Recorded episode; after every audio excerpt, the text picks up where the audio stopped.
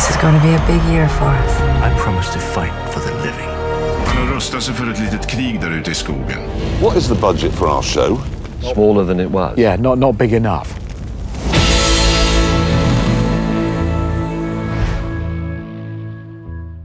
Välkommen till ett specialavsnitt av Streamingpodden.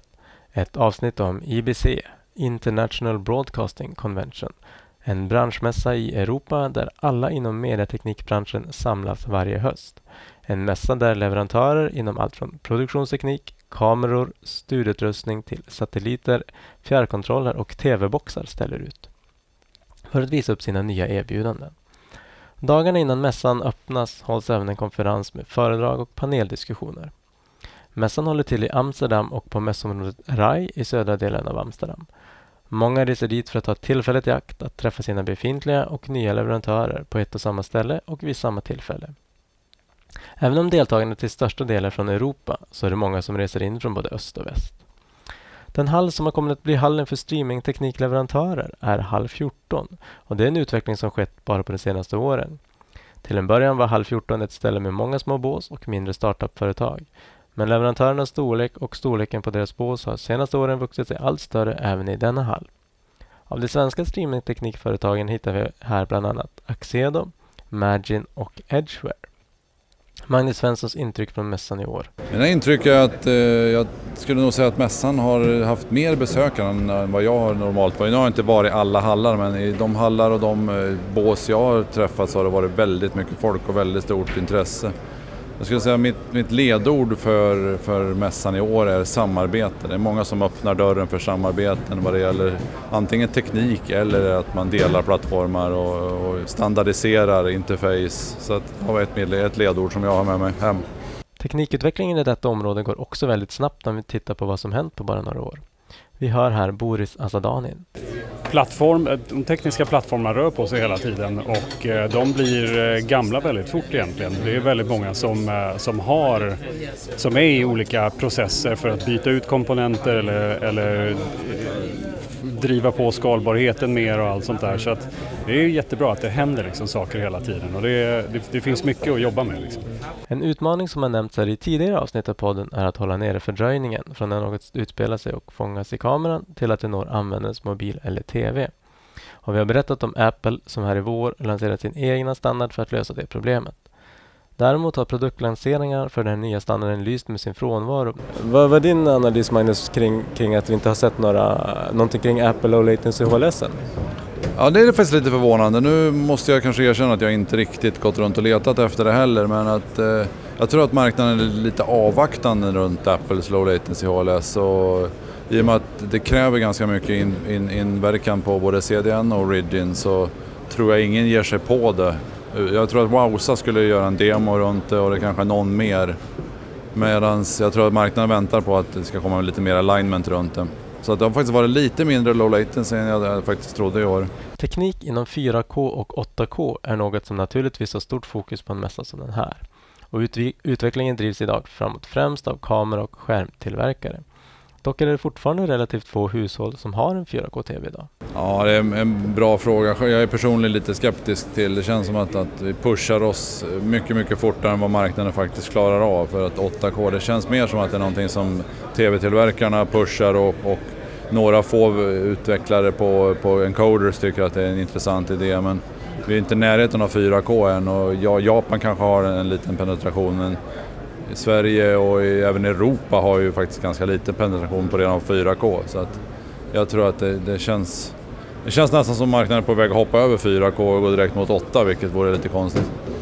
Eh, man personligen kan känna att det blir lite grann, det blir lite grann hönan och ägget såklart. När du har när det inte finns eh, jättemycket, även om det börjar finnas mer 4K-utbud, eh, så driver det, eller det bromsar ju att du byter TV, alltså utvecklingen att byta TV.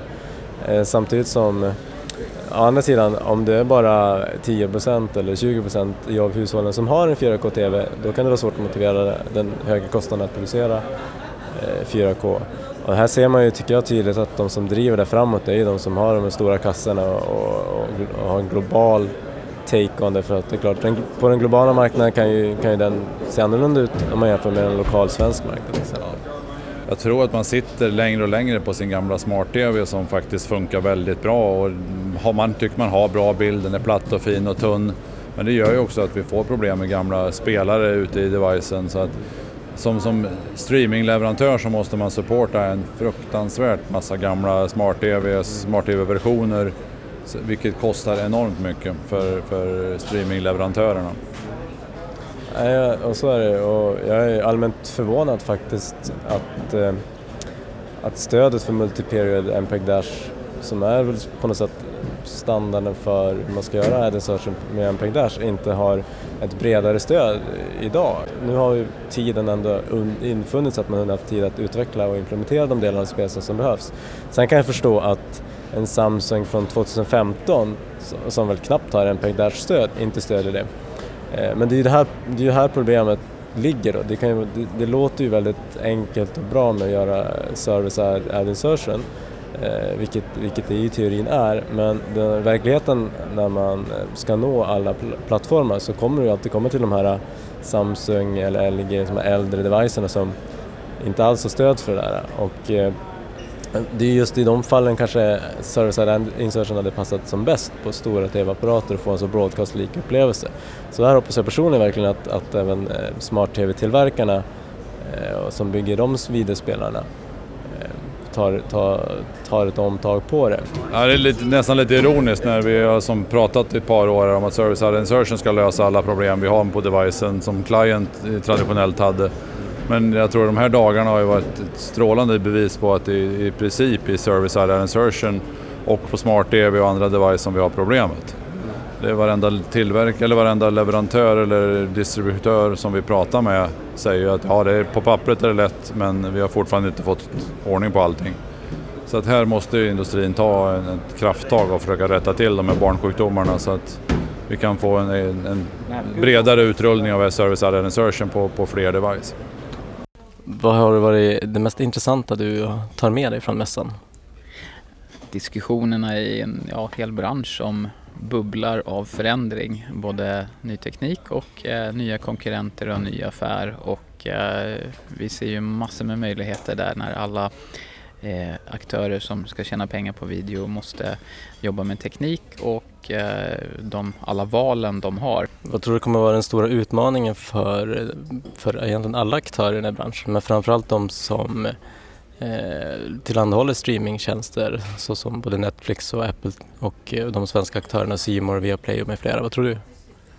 Konkurrensen är ju slående. Det är fantastiska pengar som pumpas in i att eh, skapa nytt, nytt innehåll, serier, eh, film, sport. Och, eh, men sen ska ju någon få hem de pengarna, tillbaka de pengarna och att eh, hur får man det genom abonnemangstjänster eller betaltjänster eller mm, via reklam. Och det där är inte en helt lätt nöt att knäcka. Nej, och om man tittar på Netflix som satsar flera miljarder och Apple också på flera miljarder på att skapa innehåll.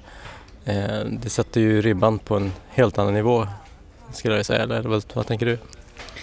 Jag tänker på att det är, det är, nya krav som man inte har sett förut. Att, att det här innehållet som skapas ska, görs ju inte bara här och nu och sen slängs det utan det ska sparas och eh, kunna göras om i framtiden och göra eh, lokalisera regionala anpassningar av materialet och på en eh, kvalitetsnivå som ingen har sett förut så det kommer ställa stora krav på kompetens och teknik och, och resurser i branschen. Ja, en spännande tid framför oss helt enkelt. Eh, Jag önskar en trevlig resa och lycka till. Tack så mycket. Tack själv Jonas. Här avslutningsvis hörde vi Alexander Björneheim, VD på Ivin Technology. Och det får avrunda detta specialavsnitt om IBC och programmet producerades av mig, Jonas Rydholm Birmi och medverkade gjorde Magnus Svensson och Boris Asadanin från Ivin Technology. Ni har lyssnat på Streamingpodden, en podcast för dig som är intresserad av streamingteknik och nyheter i området. Programmet produceras av Ivin Technology, leverantörsoberoende specialister inom videoteknik och mediedistribution.